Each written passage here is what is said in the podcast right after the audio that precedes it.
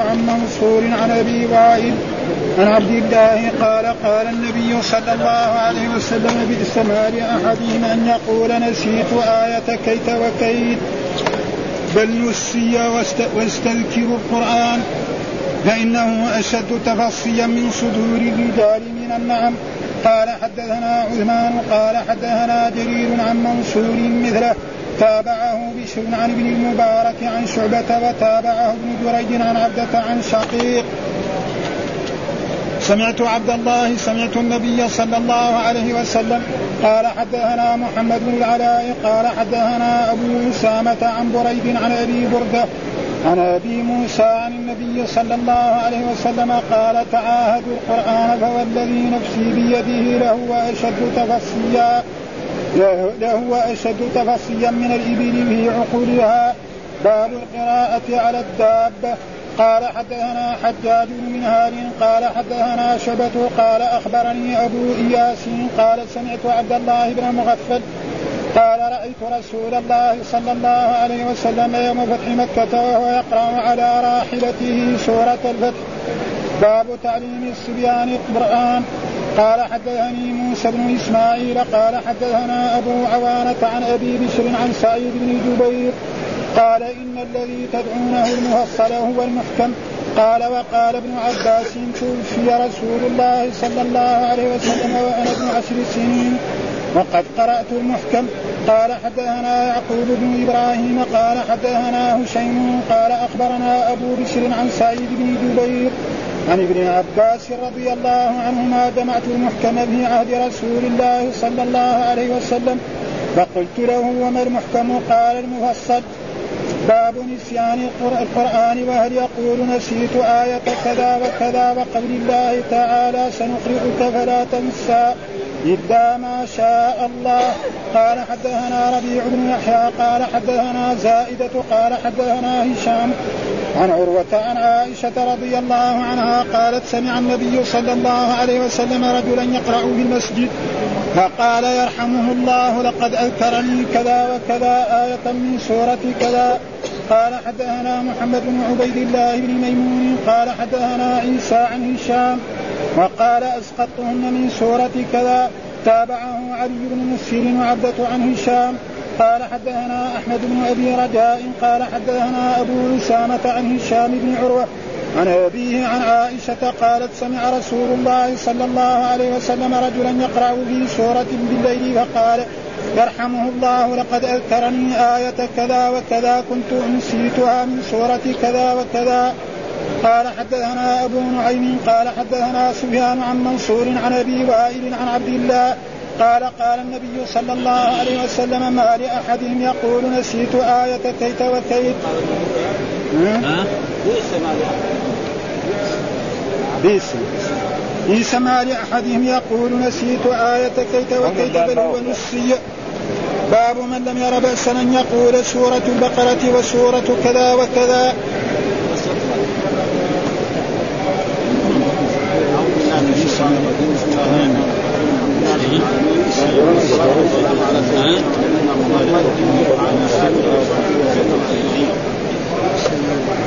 قال الإمام الحافظ محمد بن إسماعيل البخاري رحمه الله تعالى باب باب استقبال القران وتعاهده وتعاهد معنى تعاهد القرآن واستنكار القرآن اي طلبه بضم الذات ما هو بفتح الذات لأنه دائما الحكم كسر الذات معنى هنا باب استنكار القران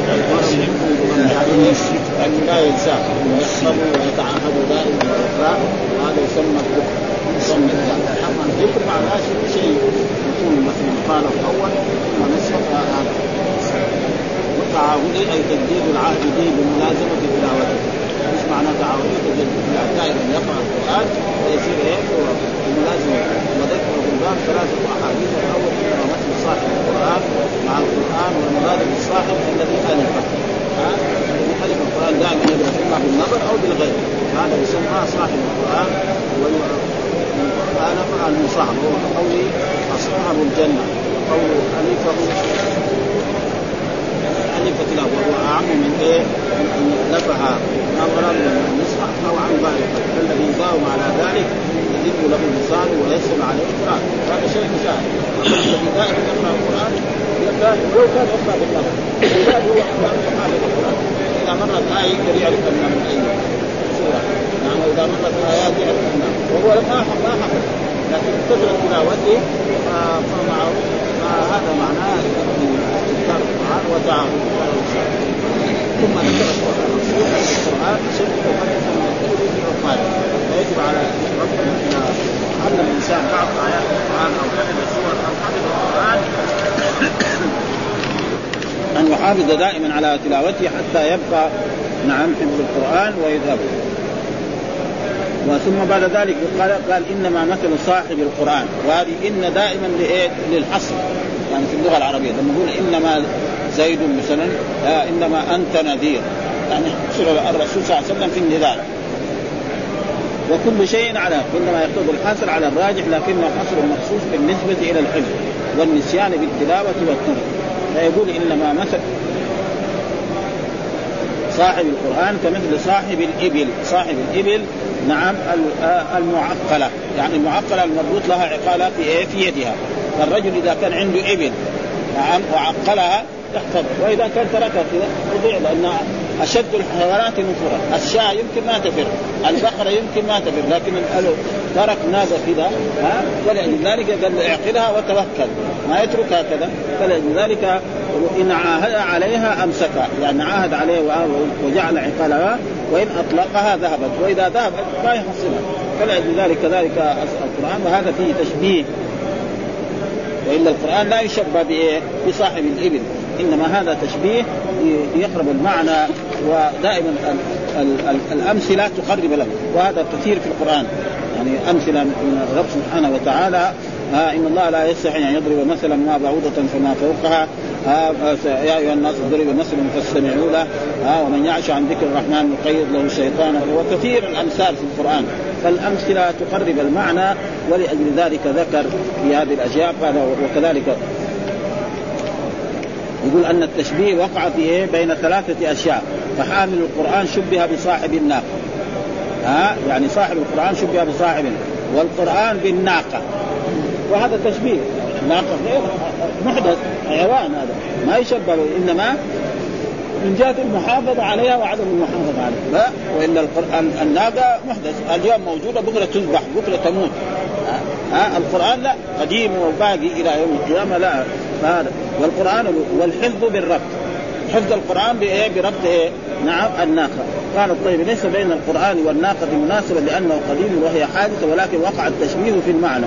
وفي هذه الأحاديث الحظ على محافظة القرآن بدوام دراسته وتكرار تلاوته وضرب الأمثال لإيضاح المقاصد. فلذلك ذكر هذا المعنى.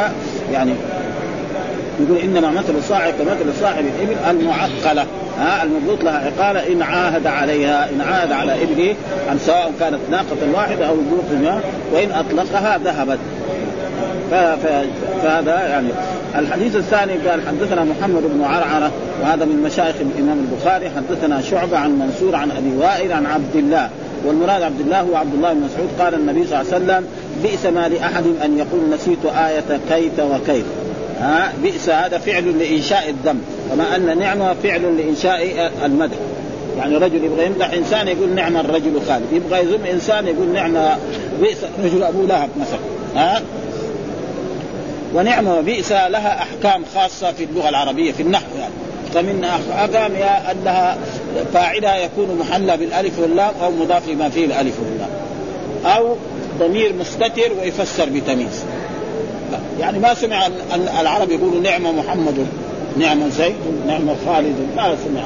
ها يقول نعم الأمير خالد مثلا. ممكن ها نعم دار المتقين الجنة. ها دائما كذا أو نعم رجلا زيد. ها تمييز كذا ما يخرج من هذا. إما فاعل محل بالألف واللام أو مضاف ما فيه الألف واللام أو تمييز مستتر ويجي بعده تمييز. وهنا دحين من هذا النوع. بئس ما لأحدهم. ها بئس فعل ماض لإنشاء الذم وما هذا هو التمييز؟ لأحدهم أن يقول نسيت آية كيت وكيت. يعني نسيت الآية الفلانية التي هي كيت وكيت فلا يقول مثل هذا. كيت وكيت قال كيت وكيت يعبر بها عن الجمل الكثيرة. ها؟ يعبر بها والحديث الطويل مثل ومثلها ديت وديت. قال كيت للأفعال وديت للأسماء. ويقول ثعلب الذي هو من أئمة اللغة أن كيت للأفعال وديت وحكم ابن تيميه عن هذا آه، أن مثل كذا لأنها خاصة بالمؤلف. فلا يقول نسيت آية كذا وكذا لا بل يقول إيه؟ بل نسي. ها بل نسي يعني وهذا آه واستذكر القرآن. وهذا محل الشاهد. واستذكر القرآن هذا الذي إيه؟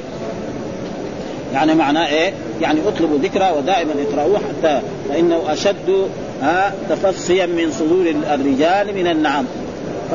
فإنه أشد يعني إيه انفلاتا.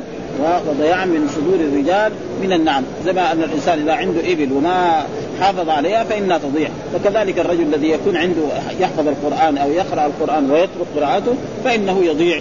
نعم فلأجل ذلك في هذا في دليل على أن الإنسان إذا ربنا اكرمه بحفظ آيات من القرآن أو سور من القرآن أو القرآن بكامله أن يقرأه. وكذلك من السنة أن يقرأ ذلك يصلي في الليل. آه إذا كان يحفظ ففي هذا يكون ومن الرجال من النعم ومع النعم يعني من الإيه من الحيوانات التي الابل ثم قال حدثنا عثمان قال حدثنا جرير عن منصور مثله ها تابعه بشر وبشر هذا من مشايخ الإمام البخاري عن عن عن ابن المبارك وهو عبد الله بن المبارك عن شعبة وتابعه ابن جرير عن عبيدة عن شقيق سمعت عبد الله سمعت النبي. ليش هذا ذكر؟ عشان يثبت أنه يعني أن عبد الله سمع من النبي صلى الله عليه وسلم. إنه هناك قال عن ابن عمر أن رسول الله وهنا قال آه عن عبد الله قال النبي صلى الله عليه وسلم قال النبي صلى الله عليه وسلم فهنا قال سمعته آه عشان يثبت أن هذا. حدثنا محمد بن العلاء حدثنا أبو أسامة عن بريد عن أبي بردة عن أبي موسى بريد هذا يكون أبو موسى جده عن النبي قال تعاهدوا القرآن فوالذي نفسي بيدي له أشد تفصيا من الإبل في عقلها. يقول تعاهدوا هذا أمر من الرسول صلى الله عليه وسلم للذين يحفظون القرآن أو يقرؤون القرآن دائما أن يتعاهدوه. فيقرأه دائما في الصباح وفي المساء وفي كل وقت ثم الرسول أقسم فهو الذي نفسي بيده أقسم والرسول صادق. ما يحتاج يعني الواحد لما يقول لكن إيه؟ للتأكيد. فهو الذي نفسي بيده لهو أشد تفصيا من الإبل في عقلها. ها يعني ها انفلاتا من الإبل في عقلها فلذلك أو أوجب يعني آمر الرسول أمته أن يحافظ على القرآن ويذاكروه ولذلك ذكر في وتكرار تلاوته وضرب الأمثال لإيضاح المفاسد وفي الأخير القسم عند الخبر. ها هذا والذي نفسي بيده. رسول صادق لا يحتاج يحلف. ها ومع ذلك يعني الخبر مقطوع بصدقه مبالغة في تثبيته في صدور سامعين. وحكم ابن عن أن في حديث ابن مسعود حجة لمن قال في من ادعى عليه بمال فأنكر وحلف ثم قامت عليه البينة فقال كنت نسيت أو ادعى بينة أو إبراء أو التمس يمين يعني واحد لو قال مثلا ادعى شخص عليه من شيء من المال وقال له ما لك شيء. ثم بعد ذلك هذاك راح جاب الشهود واثبتوا عليه فحكم عليه. بعدين هو تذكر فقال نسيت. ما في شيء. آه؟ يعني أول أنكر. ثم بعد ذلك لما جاء الشهود وأثبتوا عليه يعني أنكر ذلك فهذا دليل على أنه يعني يدل على وقال استذكروا القرآن يعني واظبوا على تلاوته واطلبوا من أنفسكم المذاكرة به. وهو عطف من حيث المعنى على قول بئس ما لأحد. أي لا تقصروا في معاهدته واستذكروه. وزاد ابن أبي داود من طريق عاصم عن أبي وائل في هذا الموضع فإن القرآن وحشي يعني يذهب. كذا أخرجه من طريق المسيب ابن رافع. وقال كمثل صاحب الإبل المعقلة أي مع الإبل المعقلة والمعقلة بضم الميم وفتح الغين المهمل وتشديد أي المشدودة. بالعقال وهو الحبل الذي يشد في ركبة البعير. شبه درس القرآن واستمرار تلاوته بربط البعير الذي يخشى منه الشراك وما زال التعاهد موجودا فالحفظ موجود. كما أن البعير ما دام مشدودا بالعقال فهو محفوظ وخص الإبل بالذكر لأن أشد الحيوان الانسي نفورا وهذا شيء مشاهد. وفي تحصيلها بعد السمكان بنفورها صعوبة. وفي تحصيلها بعد استكمال نفورها إذا نفرت يعني قد يعني ابل قد تخرج مثلا من هنا البلد تروح للعراق. لكن لو شاء ما تقدر توصل للعراق. ها؟ ها؟ واحد ناقته هنا تشرب من المدينة توصل العراق أو توصل خراسان. لكن لو شاة أو بقره ما توصل. يحصلها يعني في الغالب. فلذلك العرب من معرفتهم من الإبل يوسموها ويعرف ابنها وجدها كأنه أولاده. يقول لك هذه الناقة يعني يعني ناقه ناقه الفلانية الذي كذا كذا. كذا يعني مع معرفتهم للإبل وحياتهم مع الإبل يعرف. يقول لك هذه أبوها كذا وهذه ناقة أمها كذا. آه، وهذا شيء مشاهد يعني عند العرب الذين ربوا الإبل وعاشروا الإبل وكذا قالوا إن أطلقتها ذهبت أي انفلت. وفي رواية عن نافع ان ان تعاهدها صاحبها عقلها. فعقلها وأمسكها. وإن أطلقها عقلها ذهبت. فلذلك يقول أن يقول آه، فنعم وهنا ذكر هذه الأشياء اللي نحن ذكرناها آه آه قال القرطبي بئس هي أخت نعمة فالأو فالاولى للذم والأخرى للمد وهما فعلان غير متصرفين. يعني ما لها في اللغة العربية إلا ماضي لو واحد قال لنا نجيب مضارع لها أو أمر لا يوجد لها ها فعل جامد. والأفعال الجامدة هي التي لا تتصرف. ها يرفعان الفاعل ظاهرا أو مضمرا إلا انه إذا كان ظاهر لم يكن في الأمر إلا لم يكن في الأمر العام إلا بالألف واللام للجنس أو مضافا لما فيه الألف واللام حتى يشتمل على الموصول بأحدهم. ولا بد من ذكرهما كقول نعم الرجل زيد وبئس الرجل عمرو. فإن كان فإن كان الفاعل مضرا فلا بد من ذكر اسم نكرة ينصب على على التفسير يعني على الضمير كقول نعم رجلا زيد. وقد يكون هذا التفسير ما على ما نص عليه كما في الحديث. فنعم ما هي ها فنعم ما هي في الآية ما هي التمييز. وهي هذا هو المخصوص بإيه؟ بالمدح. قال نسيت بفتح آه نكرة. بفتح النون وتخفيف السين أي اتفاقا. آية كيت وكيت. قال كيت وكيت يعبر بها عن الجمل الكثيرة وفي الحديث مثل ذيت وديت هذا فلا بل هو نسي بالبناء للمجهول. نسي معناه يعني جاء من إيه؟ من الشيطان. من الشيطان مثل ما جاء آه، وهذا آه، نسوا الله فنسيهم أي تركهم في العذاب. واختلف في متعلق الدم في قوله بئس على أوجه وكذلك آه، كما قال وما رميت إذ رميت ولكن الله رمى. وكذلك ينسب الإيه؟ إلى الرب سبحانه. أنتم تزرعونه أم نحن الزارعون؟ مع أنه اللي زارع الحقيقة مين؟ البشر. الرجل عنده بستان يزرع البر أو الدخن من الزارع؟ العبد هو ذلك لكن هذا فإسناد المجاز إلى الرب سبحانه وتعالى لأنه الرب هو الذي إيه ينبته. ها؟ فلذلك هنا وكذلك قال في قول الله تعالى يعني عن عن عن صاحب يوسف إني نسيت الحوت وما أنسانيه إلا الشيطان. وقال كذلك نسيت الحوت وقال موسى ها لا تؤاخذني بما نسيت. فلذلك وقال في القرآن ربنا لا تؤاخذنا إن نسينا. فقال الرب قد فعلت. ها وجاء في الأحاديث الصحيحة رفع عن أمة الخطأ والنسيان وما استكرهوا عليه. ونسوا الله فنسيهم. وسنقرئك فلا تنسى إلا ما شاء الله. فلذلك يعني إنا سنقرئ عليك قول. ولقد يسرنا القرآن للذكر فهذه أشياء تدل على إيه؟ على أشياء. ثم ذكر باب القراءة على الدابة. يعني يجوز للمسلم أن يقرأ على وهذا الترجمة رد على بعض العلماء الذين يقول يكره للإنسان أن يقرأ على الدابه يعني الإمام البخاري أخذ من هذه الترجمة أن هناك علماء يقولوا أنه يكره الإنسان يكون راكب على حمار أو على بغل أو على ف... أو على ناقة يقرأ القرآن. فالإمام البخاري رد عليه وأتى بإيه؟ بالأحاديث التي تدل على ذلك. وممن كره ذلك وقد نقل أبو داود عن بعض السلف. عن بعض السلف وتقدم البحث في كتاب الطهارة في قراءة القرآن في الإمام وغيره. قال إنما أراد بهذه الترجمة أن في القراءة على الداب سنة موجودة. وأصل هذه السنة قوله تعالى لتستوى على ظهورها ثم تذكروا نعمة ربكم إذا استويتم عليه فالآية لتستووا على ظهورها. معناها لتعلوا على إيه؟ على ظهور الدواب التي هي الإبل أو غير ذلك. ثم تذكروا ومن ذكر النعمة في الرب أنه يقرأ القرآن. أو يذكر الله أو يسبح أو يستغفر. فهو في هذه الترجمة رد على بعض العلماء وبعض السلف الذي يقول يقرأ قراءة القرآن على الدابة. فلذلك أتى باب القراءة على الدابة. يجوز للإنسان أن يقرأ القرآن على الدابة. واستدل بهذا الحديث أن الرسول صلوات الله وسلامه عليه نعم كان يقرأ سورة الفتح وهو راكبا على على راحلته. ها؟ وهي قول الله تعالى إنا فتحنا لك فتحا مبينا. يغفر الله ما تقدم من ذنبك وما تاخر إلى آخر الآيات آخر السورة. فاذا هذا معناه باب جواز القراءة على الدابة. ايا كانت في عصر هذا راكب في السيارة أو راكب على طائرة قرأ القرآن ما في شيء جائز. ها؟ وكذلك إذا كان راكب على ناقة أو على أغلة أو على حمار فإن ذلك جائز ليس فيه أي شيء. أي إنسان انكر ذلك فهو يعني هذا الحديث يرد عليه. ها؟ والآية تستوى على ظهوره ثم تذكر نعمة ربك. قال حدثنا حجاج بن هال حدثنا شعبة قال أخبرني أبو إياس قال سمعت عبد الله بن مغفل. قال رأيت رسول الله يوم الفتح في يوم فتح مكة وهو يقرأ على راحلته سورة الفتح. ها؟ فيقول الصحابي هذا رأيت رسول الله يوم فتح مكة وهو يقرأ على راحلته سورة الفتح. وسورة الفتح معروف أنها نزلت إيه؟ بعد صلح الحديبية. ها؟ لأن هي نزلت بعد صلح الحديبية. بعد صلح الحديبية نزلت انها فتح حتى الصحابة كانوا يقول انها فتحنا والمراد به فتح خيبر. فإن صلح الحديبية كان في عام ستة من الهجرة وفتح خيبر.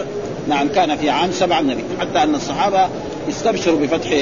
خيبر قالوا إننا لم نشبع من التمر إلا بعد فتح خيبر فيقول آه أي راكبة وكانه اشار إلى الرد على من كره ذلك وقد نقل ابن أبي داود عن بعض السلف وهو منهم يقول الحسن البصري وتقدم البحث في كتاب الطهارة في قراءة القرآن ممنوع وانما اراد أن في القراءة على الدابه سنه موجودة وأصل هذه السنة قوله تعالى تستوى على ظهوره ثم تذكر. ثم ذكر المصنف حديث عبد الله بن مغفل مختصرا وقد تقدم بتمامه في تفسير سورة الفتح ويأتي بعد أبواب.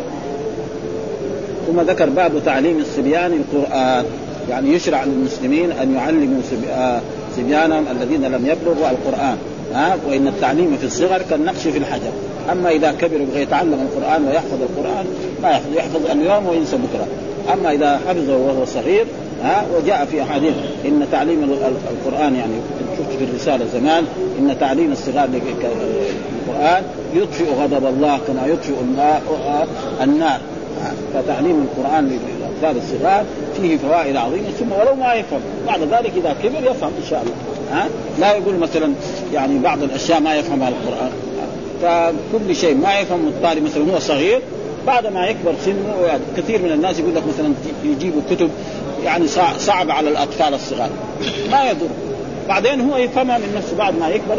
يعني كنا نسمع بعض الناس يقول مثلا طالب صغير يكون في سنة أولى يقولوا الاستنجاء طيب الأستاذ يفسر إيش معنى الاستنجاء؟ أنك أنت أيها الصغير إذا دخلت بيت الخلاء وبلت أو تغيرت غسل المكان هذا. يفهم. هذا معنى الاستنجاء. ها؟ ها؟ ها؟ يعني بل كلمة استنجاء يمكن ما يفهمها الصغير. لكن انت ايها المدرس فهمه الاستنجاء هو انك ايها الطفل الذي عمرك خمس سنوات أو ست سنوات أو سبع سنوات أو تروح بيت الخلاء تبول أو تتغوط ما يخرج منك هذا تغسله بالماء. خلاص فهم ولا لا؟ وبعد ذلك اذا يقدر يفهم هذا. ثم قال حدثنا موسى بن إسماعيل حدثنا أبو عوانة عن أبي بشر عن سعيد بن جبير قال إن الذي تدعونه المفسر هو المحكم. قال وقال ابن عباس توفي رسول الله وأنا ابن عشر سنين وقد قرات المحكم. يقول في هذا الحديث عن سعيد بن جبير أن الذي تدعونه المفصل. المفصل بعضهم يفسر المفصل بالمفصل الذي هو في آخر لأن القرآن قسموه إلى أجزاء. ومن الجزء المفصل الجزء المفصل من فين يقولوا من قاف إلى الناس. ها؟ وبعضهم فسر المحكم الذي فيه الأحكام. ها؟ فعبد الله بن عباس عمره عشر سنين قد إيه؟ حفظ إيه المفصل. قال ابن عباس توفي رسول وأنا ابن عشر سنين. الرسول لما توفي ابن عباس ما هو ابن عشر سنين. يعني عمره 13 سنة جاء في أحاديث مرت علينا في دراستنا أنه كان الرسول لما حج حجة الوداع نعم وحج يعني جاوزت الحلم. أنا هزت الحلم. يعني قريب إيه يعني تعديت الحلم عمري 13 أو 14 أو 15 يعني بين هذا. وجاء في الحديث الذي تقدم أن أن عبد الله بن عباس لما كان الرسول في منى يصلي بالناس وكان راكبا على أتان والأتان أنثى الحمار ها؟ فيقول فتركت الأتان ترتع ومررت بين يدي بعض الصف ولم ينكر علي أحد. هذا في حجة الوداع ها؟ فهو عمره ذاك الوقت يمكن 13 سنة 14 طيب كيف هذا مثلا يقول 10 سنوات هذا دائما العلماء يساوي في هذا أشياء. مثلا واحد يقول مثلا عمره 11 سنة ونصف فيقول 11 سنة ونصف خليها 12 آخر يقول لا العشرة والنصف تخليها عشرة. نسبة الزايد هذا هو يخلي إيه؟ هذه المسائل يعني تكون بهذه. فيصير الاحاديث ماشيه مع بعض. كالذين قالوا مثلا عشر سنين هذول أسقطوا إيه؟ الزائد. والذي قالوا 13 سنة أو 12 سنة ضم الزائد فيصير الأحاديث تجتمع على بعضها وإلا عبد الله بن عباس يعني وقت ما توفي الرسول وهو يعني قد ناهز الاحتلام يعني قريب من الاحتلام يعني مبالغ ومعلوم أن الاحتلام هذا يختلف في, في, في الناس. منهم من يبلغ مثلا يعني قبل ذلك في الخامس عشر أو خصوصا النساء يعني يمكن تبلغ. يعني في بعض البلاد يمكن يعني مرأة تبلغ عمرها تسع سنوات. في بعض البلاد الذي مثلا المرأة مرتاحة تأكل وتشرب وتنام وخلاص. هذا يمكن في البلاد الحارة يمكن يكون البلوغ يعني أسرع من إيه؟ البلاد الباردة. ولذلك يعني يذكر في بعض الكتب المالكية أن يعني أكثر من إيه؟ 18 سنة. ها 18 سنة. في أحاديث كثيرة مرت علينا أن الرسول لما في غزوة بدر ما رخص لعبد الله بن عمر يخرج للجهاد. وفي أحد رخص له لأنه بلغ الخامس عشر. فالمسألة يعني وهذا يختلف باختلاف الناس. ها رجل مثلا فقير مسكين ما يحسن طيب. قد يتأخر بلوغ وشخص آخر يعني متمتع في هذا ويكفي ذلك أن عبد الله بن عمرو بن العاص نعم وابنه آه عمر عمرو بن العاص بينهم 11 سنة. بين الأب والابن 11 سنة. معناه انه يعني عمرو بن العاص بلغ عمره 10 سنوات. ها؟ وهذا ممكن يعني في بعض البلاد يعني ابدا يمكن يبلغ عمره 10 سنوات خصوصا النساء. والا والمرأة يمكن تبلغ من 13 يمكن واحد عمره 13 هنا في بالنسبة للمدينة يعني بالنسبة للممالك الغربية يمكن. وفي بعض البلاد يمكن من عشره بلاد حارة ومرأة متناعمة يمكن هذا أن يحصل ذلك.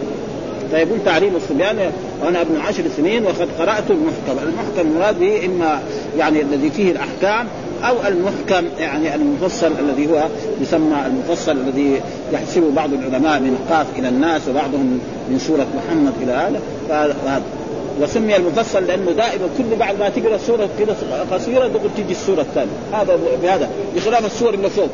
ها يفتتح البقرة ما يجي سورة آل عمران بعد جزئين من السورة. وهنا لا. كل ما قرا شوية وإذا انتهت السورة بسم الله الرحمن الرحيم. ها؟ ابدا. يقرأ قاف دغري يقرأ بعدين الذاريات بعدين يقرأ الطور بعدين يقرأ النجم بعدين يقرأ. هناك فوق لا. ها؟ ابدا. كل سورة طويلة. سورة التوبة بعدين سورة يونس بعدين سورة هود سورة يوسف كلها. فهذا معنى المفصل أو المفصل الذي يعني يقرأ. ولذلك العلماء يسمون أن أن الإمام يقرأ من إيه؟ من طوال المفصل في الفجر. ها يقرأ من طوال المفصل في الفجر وفي في أواسط مثلا في الظهر في العصر من أواسطه وفي المغرب من قصاره هذا. قال كأنه أشار إلى الرد على من كره ذلك ها؟ نعم. يعني في بعض العلماء يقول إيه الصغار لا يعلمون. وقد جاءت كراهية ذلك عن سعيد بن جبير وإبراهيم النخعي وأسنده ابن أبي داود عنه. ولفظ إبراهيم كان يكرهون أن يعلموا أن يعلموا الغلام القرآن. حتى يعقل ها؟ وهذا قال. وكلام سعيد يدل على أن كراهة ذلك من جهة إيه؟ حصول الميلاد يعني مثلا لا لا يشدد على الطفل الصغير. يعني مثلا الميلاد مثلا رجل يكون عنده طفل صغير أو شيخ عنده طفل صغير يخليه طول النهار معاه يقرأ. يميل لأن الطفل يبغى اللعب. لابد مرات يتركه للعب وللراحة. ها؟ فهذا يجعل يميل ثم يجعل ذهنه ينعقد من من القراءة. أما لو كان في مرات يخليه يقرأ ومرات يخليه يلعب فهذا فيه فلذلك يقول ليش كان يعني هذا؟ يعني لأن لا يمين والصحيح انه أن تعليم القرآن في الصغر له فوائد عظيمة جدا فإن التعليم في الصغر كالنقش في الحجر. الآية الذي يحفظه ويكفي ذلك قصص كثيرة عن بعض الصحابة الذي مر علينا في الصلاة أن رجل من أصحاب النبي صلى الله عليه وسلم جاء إلى الرسول صلى الله عليه وسلم فلما أرادوا يرجعوا البلد قالوا يعني أمكم أقرأكم لكتاب الله. فلما ذهبوا إلى قريتهم وجدوا طفل صغير عمره ست سنوات كان دائما يمر الصحابة يسمع منهم حفظ منهم آيات كثيرة وقرآن وهم ما حفظوا الكبار فقدموه إمام له كان يصلي بهم الصلاة. حتى يوم من الأيام وكان يعني فقير ما عندهم يعني فكان يصلي وتنتشف بعض عورته في الصلاة. فقال بعض من زارهم قال غطوا علينا أسد قارئكم. يعني عورة قارئك هذا اللي بيصلي غطوا فاشتروا له ثوب جديد فلبس ففرح. الطفل الصغير هذا بهذا الثوب الجديد الذي ألبسوه إياه. فما في يعني ف... فاذا شدد الأب على ولده بعدين يفهم فلذلك لازم الطفل لابد له من اللعب. ولا بد له من اخذ راحة في في أما يشدد عليه فبعدين ينفلت ولا ولا ها؟ انه أنه قدم غلام صغيرا فعابوا عليه فقال ما قدمت ولكن قدمه القرآن. ها؟ وحجة من آه ذلك أنه دعا إلى آه أنه دعا إلى ثبوته ورسوله عنده كما يقال التعلم في السور كالنقش بالحجر وكلام سعيد يدل على أنه يستحب أن يترك الصبي اولا مرفها يعني يلعب ها لا يجي من أول شدة وبعد ذلك يكره العلم ويكره الدراسة. فتشديد في الدرس. وهذا والحق ذلك يختلف بالاشخاص في طفل صغير هو يحب القراءة. وفي واحد ما يبغى اللعب. اشياء يعني مشاهد. أي إنسان عنده أبناء يعني يعرف هذا. طفل يحب الدراسة ويحب القراءة ويذاكر وشخص آخر ما يحب هذا. فإذا لازم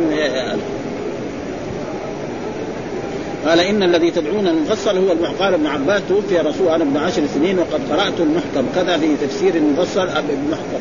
من كلام سعيد وهو وهو إن دل وهو دال على أن الضمير في قوله في الرواية الأخرى فقلت له من محكم لسعيد بن جبير وفاعل قلت هو أبو بشر الذي في الرواية بخلاف ما يتبادر أن الضمير لابن عباس وفاعل قلت سعيد بن جبير ويحتمل أن يكون كل منهما سأل شيخه عن ذلك والمراد بالمحكم الذي ليس فيه منسوب ويطلق المحكم على ضد المتشابه وهو اصطلاح أهل الأصول والمراد بالمفصل الصور التي كثر فصولها كما هو إيه من سورة مثلا قاف إلى كل بعد شوية تنتهي السورة ويقرأ.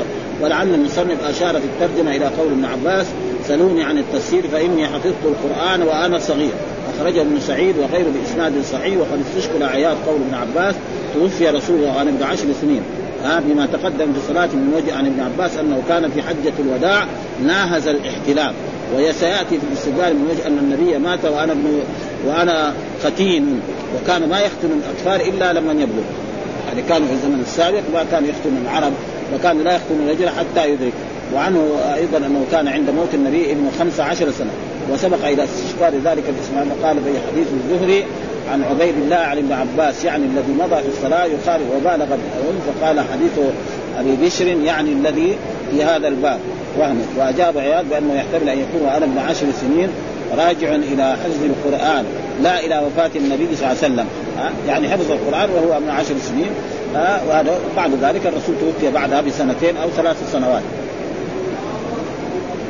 ها؟ كان معه وبه جزم. وقيل آه، آه، ستة عشر سنة. وهذا قول ثلاثة عشر وهو المشهور. يعني أكثر الأقوال أنه كان إيه؟ كان يعني ثلاثة عشر سنة لأنه كان الرسول في حجة الوداع في هو ناهز الاحتلال معناه قريب كان عمره 13 ومعلوم انه أبو 13 سنة يحفظ كثير ويفهم كثير أدب. والأشهر بأن يكون ناهز الاحتلال لما قارب ثلاث ثم ثم بلغ لما استكملها ودخل في التي بعدها واطلاق 15 بالنظر إلى جبر الكسرين وإطلاق العشر والثلاث عشر بالنظر إلى إلغاء الكسر وإطلاق 14 يكبر احدنا وسيأتي مزيد لهذا الباب في الختان بعد الكبر من كتاب الاستدلال إن شاء الله. اختلف في أول المفصل مع الاتفاق على أنه آخر جزء من القرآن على عشرة أقوال ذكرتها في باب الجهر بالقراءة في المغرب وذكرت قولا شاذا. كلام ثم ذكر باب نسيان القرآن وهل يقول نسيت آية كذا وكذا؟ وقوله تعالى سنقرئك فلا تنسى إلا ما شاء الله. باب نسيان القرآن. هل يقول الإنسان أنا نسيت القرآن أو نسيت السورة الفلانية أو نسيت الآيات الفلانية من القرآن؟ هل يجوز؟ الجواب يفهم من ذلك أن من الترجمة الحديث الذي ساق أنه لا يقول يقول نسي. ها؟ لا يقول. ها؟ وهل يقول نسيت آية كذا وكذا؟ ها؟ لا. يقول إيه؟ نسيت آية كذا وكذا. لا يقول نسيت آية كذا وكذا. ها في كذا؟ ها ها, مبني هذا مبني مجهول يعني نساني الله أو نساني الشيطان. ها نسي مبني المجهول وأما نسيت معناه نسب النسيان إلى نفسي. ها فنسي معناه نسب النسيان. مثلا ونساني إلا الشيطان. ها ما انسانيه إلا الشيطان. إذا انساه إيه؟ قال الشيطان. وقال هذاك مثلا نسيت الحوت. ولذلك الآية وقوله تعالى والاستدلال بقوله سنقرئك فلا تنسى. الله يقول لنبينا محمد سنقرئك القرآن فلا تنسى. ها؟ يعني شيء إلا ما شاء الله. إلا ما شاء الله معنى الآيات المنسوخه أو السور المنسوخه الرسول لما يأتي جبريل عليه السلام ويقرأ عليه الآيات أو السور يحفظها الرسول صلى الله عليه وسلم. ها؟ فإذا اتراك جبريل ولذلك كان الرسول صلوات الله وسلامه عليه إذا جاءه جبريل بالآيات أو بالسور يعني يقرأ خلف جبريل. فأنزل الله تعالى لا تفعل هذا. ها؟ إن يعني قول الله تعالى في سورة لا أقسم يوم القيامة إيش؟ لا تحرك لا تحرك بلسانك لتعجل به. إن علينا جمعه وقرآنه فإذا قرأناه فاتبع قرآنه. ها؟ يعني إذا قرأه جبريل خلاص وإذا الرسول حافظ يقرأه على أصحابه. فالشيء الذي يريد أن ينساه الرسول الآيات المنسوخة. ومعلوم أن القرآن فيه منسوخ ها؟ في آيات منسوخة نسخ لفظها ومعناها. في آيات نسخ لفظها وبقي معناها. في آيات نسخ المعنى وبقي اللفظ. هذا موجود والقرآن يقول ما ننسخ بآية أو ننسها نأتي بخير منها أو مثلها. ففي آيات كثيرة نسخ كثير الآيات الذي مثلا يعني آه، لست عليهم بمسيطر. جاء بعد ذلك الجهاد. ها؟ ابدا. قاتلوا المشركين كافه واقتلوا هذه آيات تخلى في القرآن. ولكن المعنى نعم منسوخ. وفي آيات مثلا نسخ لفظها. وبقي معناها. نعم وهي الشيخ والشيخه إذا زنيا فارجموه نكالا من الله. الله عز وجل البتة. الله عز وجل. فلذلك يقول باب نسيان القرآن وهل يقول نسيت آية كذا وكذا؟ لا يقول إيه؟ نسيت آية كذا. وقول الله تعالى سنقرئك. ها سنقرئك فلا تنسى إلا ما شاء الاستثناء هذا إلا ما شاء الله من إيه؟ من أن ينسى طيب إيش الدليل؟ قال حدثنا ربيع بن يحيى حدثنا زائدة قال حدثنا هشام عن عروة عن عائشة رضي الله قالت سمع النبي صلى الله عليه وسلم رجلا يقرأ في المسجد فقال يرحمه الله لقد أذكرني كذا وكذا آية من سورة كذا وكذا. يقول سمع أن رجلا يقرأ في المسجد ها يقرأ يصلي في المسجد أو يقرأ فقال يرحمه الله. ها يقول هذا الرجل الحافظ ما عرف كذا وكذا آية. كذلك يقول الآيات هذه ما رأى من ذكر ايات الفلانية التي ذكر التي ذكر الرسول من سورة كذا وكذا. ف... ف... فقد أذكرني. أذكرني كذا وكذا آية من سورة. والحديث الثاني برضو قال حدثنا محمد بن عبيد بن ميمون حدثنا عيسى عن هشام قال أسقطهن. أسقطتهن من سورة كذا. يعني الرسول نسي تابعه علي بن مسهر وعبدة عن هشام. ومعلوم أن الرسول لا يمكن ينسى الأشياء التي أمر بها كالوحي. لكن ينسى أشياء. كما جاء في الأحاديث الصحيحة عن رسول الله صلى الله عليه وسلم إني أنسى كما تنسون. فإذا نسيت فذكروني ها؟ يعني حصل أن الرسول صلوات الله وسلامه عليه صلى مرة من المرات صلاة الظهر ركعتين وسلم. فخرج سرعان من المسجد قال قصرت الصلاة. وكان رجل من صلى مع رسول الله صلى الله عليه وسلم في المسجد يسمى ذو اليدين أو يسمى اسمه الخرباب فقال يا رسول اقصرت الصلاة ام نسيت؟ قال الرسول لم أنسى ولم تخرج قال بلى يا رسول الله. قال صليت ما صليت بنا إلا ركعتين اليوم. ها؟ فسأل الرسول الصحابة أصدق ذو اليدين؟ قالوا نعم فأوبوا نعم فتمم الرسول الصلاة. ها؟ فهذا وهذا فيه أحكام شرعية لأنه لو لو كان الرسول ما نسي مرة.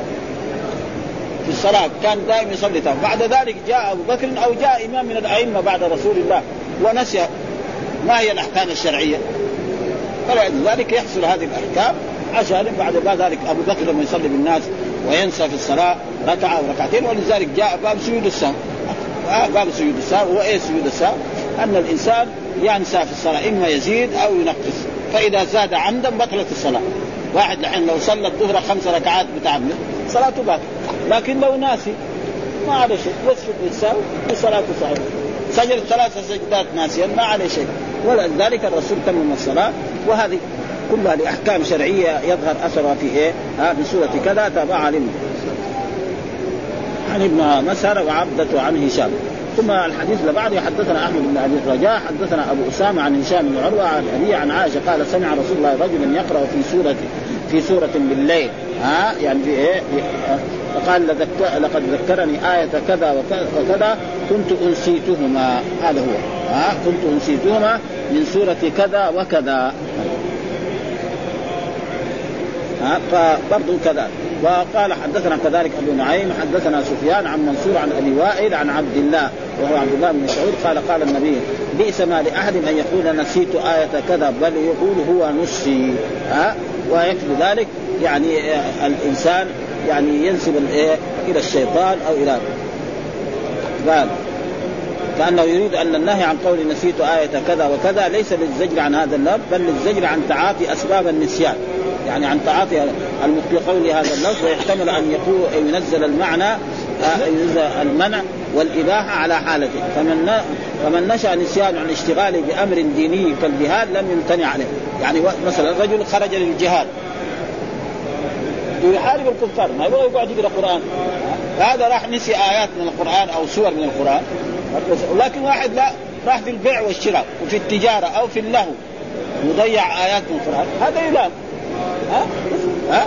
يعني رجل راح للجهاد في سبيل الله وقعد يجاهد في سبيل الله. هذا لو نسي آيات أو نسي سور أو نسي القرآن كله يمكن يعني لا يلام لكن شخص آخر راح في البيع والشراء أو في اللهو. فهذا يعني يلام على ذلك. ولا سيما إن كان محظورا امتنع عليه لتعاطيه اسبابا وقوله تعالى سنقرئك فلا هو مصير منه إلى اختيار ما عليه الأكثر. أن لا في قوله فلا تنسى نافية. ها لا نافية. ها وأن الله أخبره أنه لا ينسى ما أقرأه إياه. وقد قيل إن لا ناهية. ها وإنما وقع الإشباع في السين لتناسب رؤوس الآيات. ها يعني إذا كانت ناهية لازم يقول فلا تنسى لأن الفعل المعتل يجزم بحرف إيه؟ حرف العلة. مثلا رمى نقول لا ترمي. لم يرمي. لم يرمي ما في. لكن موجود هذا في القرآن. مثلا والفجر وليال عشر والشبع والوتر والليل إذا يسري. ها؟ والليل إذا يسري. هذا كان لازم الآية يقول والليل إذا يسري. لأنه فعل مرفوع هذا.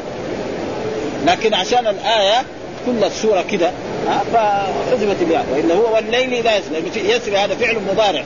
مرفوع على رفعه الضم المقدر عن ياء من ظهورها الثقل والقرآن مكتوب الليل اذا يسر ما في إلا راء ليه؟ لأنه والفجر وليال عشر والشفع والوتر والليل اذا اذا القسم الذي ألم ترى كيف؟ ولو جاءت يسري لا صار تناسب. فلذلك وهنا كذلك فلا تنسى. أصح الأقوال أنها نافية. يعني الله نفع الرسول إيه؟ نسيان القرآن وما ينزل عليه من الوحي. وأما النهي شوية بعيد يعني. ها؟ إلا ما شاء الله قضى أن ترفع تلاوته. عن ابن عباس إلا ما أراد الله أن ينسيكه ها؟ لتسن وقيل لما لما جبلت عليه من الطباع البشرية لكونه لكن سنذكره بعد ولا تنسى أي لا تترك العمل به إلا ما أراد الله أن ينسخه ويتركه عنه به. يقول لقد ذكرني كذا وكذا آية من سورة لم أقف على تعيين الآيات المذكورة وأغرب من زعم أن المراد بذلك إحدى وعشرون آية. ها لأن ابن عبد الحكم قال فيما قرأ أن عليه كذا وكذا درهما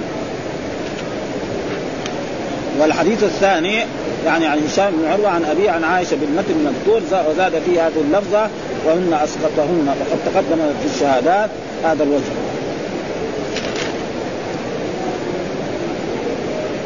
قال سنقرئك إلا ما شاء الله فأما القسم الأول فعارض سريع الثواب والظاهر قوله تعالى إنا نحن نزلنا الذكر أنزلنا الذكر. إنا نزلنا الذكر وإنا له لحافظون. إنا نزلنا الذكر وإنا له لحافظون. نزلنا الذكر إنا واما الثاني في قوله تعالى ما ننسخ من آية أو ننسها. يعني فلا تنسى. أما الشيء الذي يريد أن ينسخه الله فينسخه الله وينساه الرسول وفي الحديث